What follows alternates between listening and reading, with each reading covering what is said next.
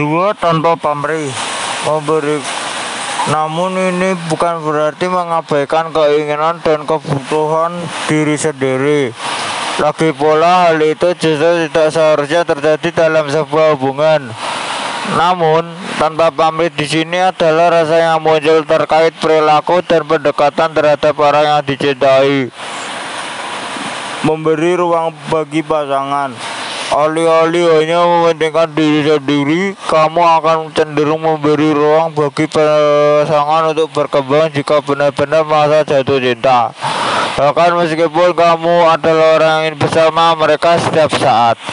Pahamilah bahwa setiap orang membutuhkan waktu dan ruang sendiri untuk tenggelam dalam pikirannya dan melakukan hal-hal yang diinginkan atau sekedar duduk dalam keheningan menerima hal baik dan buruk yang dicintai.